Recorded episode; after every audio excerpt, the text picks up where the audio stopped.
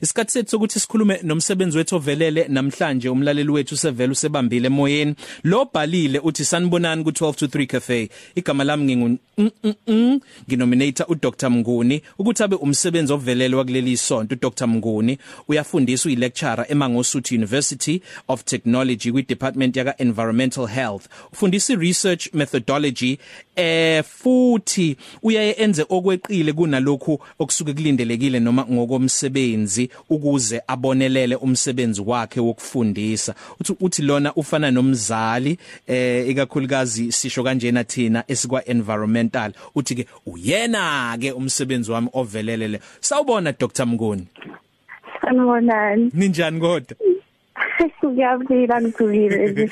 Hayibo. Ngiyabila ja. Ay cha angazi ngivale kumlomo. sikuthole kungakabi isikhathi sokuthi uyofundisa ukuphi njengamanje ngabe ukusi isikhungo sesimangosuthu No, angikho namhlanje ngisen ngisendlini. Ngibenzela i-test nje abanye. So ngisebenzele endlini namhlanje. uyabona ke ukuthi uqinisile lo bhalile ukuthi wenza okungaphezulu kwaloko okulindelekile. Khona okunye la akushoyo sicela ukuthi ulalele kanye nathi. So sanibonani balari bekhoze FM igama lami ngusinenhla wakachili ngenza environmental health eMangosuthu.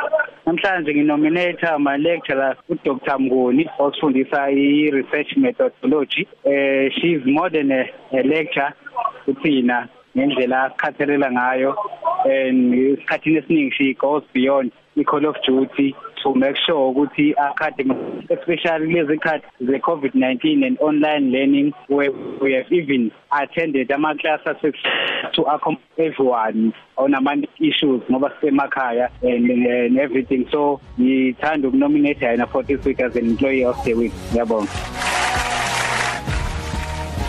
oh yes Dr Mnguni I yes can't, I'm humbled like it. I'm really I am humbled. ujabuliso kwesifundiswa ngempela uthi nje I'm humbled jabula Hayibo. memeza kikiza Ukuthi yazi yazi.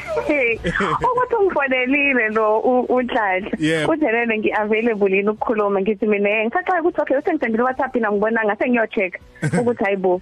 Ay akufani nabo ave ave kodwa be benza kube lula ukusebenzisana nabo. Sonke it's uh, it's times lezi esingayijwayele. Senza izinto ngezinto ngendlela ehlukile. Kodwa nje ay kuyintokozo kubafundisi. Bayayikhandla bayacomplaina uma ubani kumsebenzi bathi mningi kodwa bayawenza. And siyabambisana nkosi yami. Hawu ngazi baze bangithobisa ya ngoba Baze bangithobisa. ngicabanga ukuthi akusiyena yedwa. Bonke obafundisayo ngicabanga ukuthi basho kanje ngalokho uma ucabanga yindaba ngiyazi ukuthi mhlambe ngeke ufune ukuyitusa. Kodwa uma ucabanga kungani bethi wena uwenza kahle kangaka futhi ngokungaphezulu kwaloko kulindelekile njenge lecturer Yo, em ukuthi ngiyaye ngizame ngiyaye ngizame ukubathatha ngempela njengezingane zami. Ngiyaye ngizame ukuthi ngizama ukubanika amathuba noku- nokubanika imfundo le abathi uma bezophuma nayo bephuma esandleni sami ngi- ngi- ngiyiqhenye ukuthi bayakwazi konke abadinga ukukwazi. And ngibe nokuthi ngifuna bathole i-level education engafuna nengane yami engizalayo i- iyithole. Mm. So enye izinto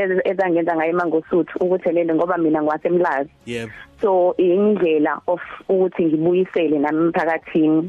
Noma bonke bengasiba basemlazi but ngi ngifeel ukuthi uma thina esesinolwazi singakwazi ukuthi siye kulezi ikhungo abanye mhlawumbe abangathi hayi semlazi kanjani kanjani sibuyisele back. Mm. then ingane zethu ngeke ikwazi ukuthi ziphumelele. Ngoba ngihlanga ngibatshela ukuthi mase beya lapha kuma interview ngeke kuthiwa hayi emba ngosuthi kwasitelekiwe ne first semester kanjani kanjani kuzobe kufuneka umbuzo phendule ngendlela eyiyona.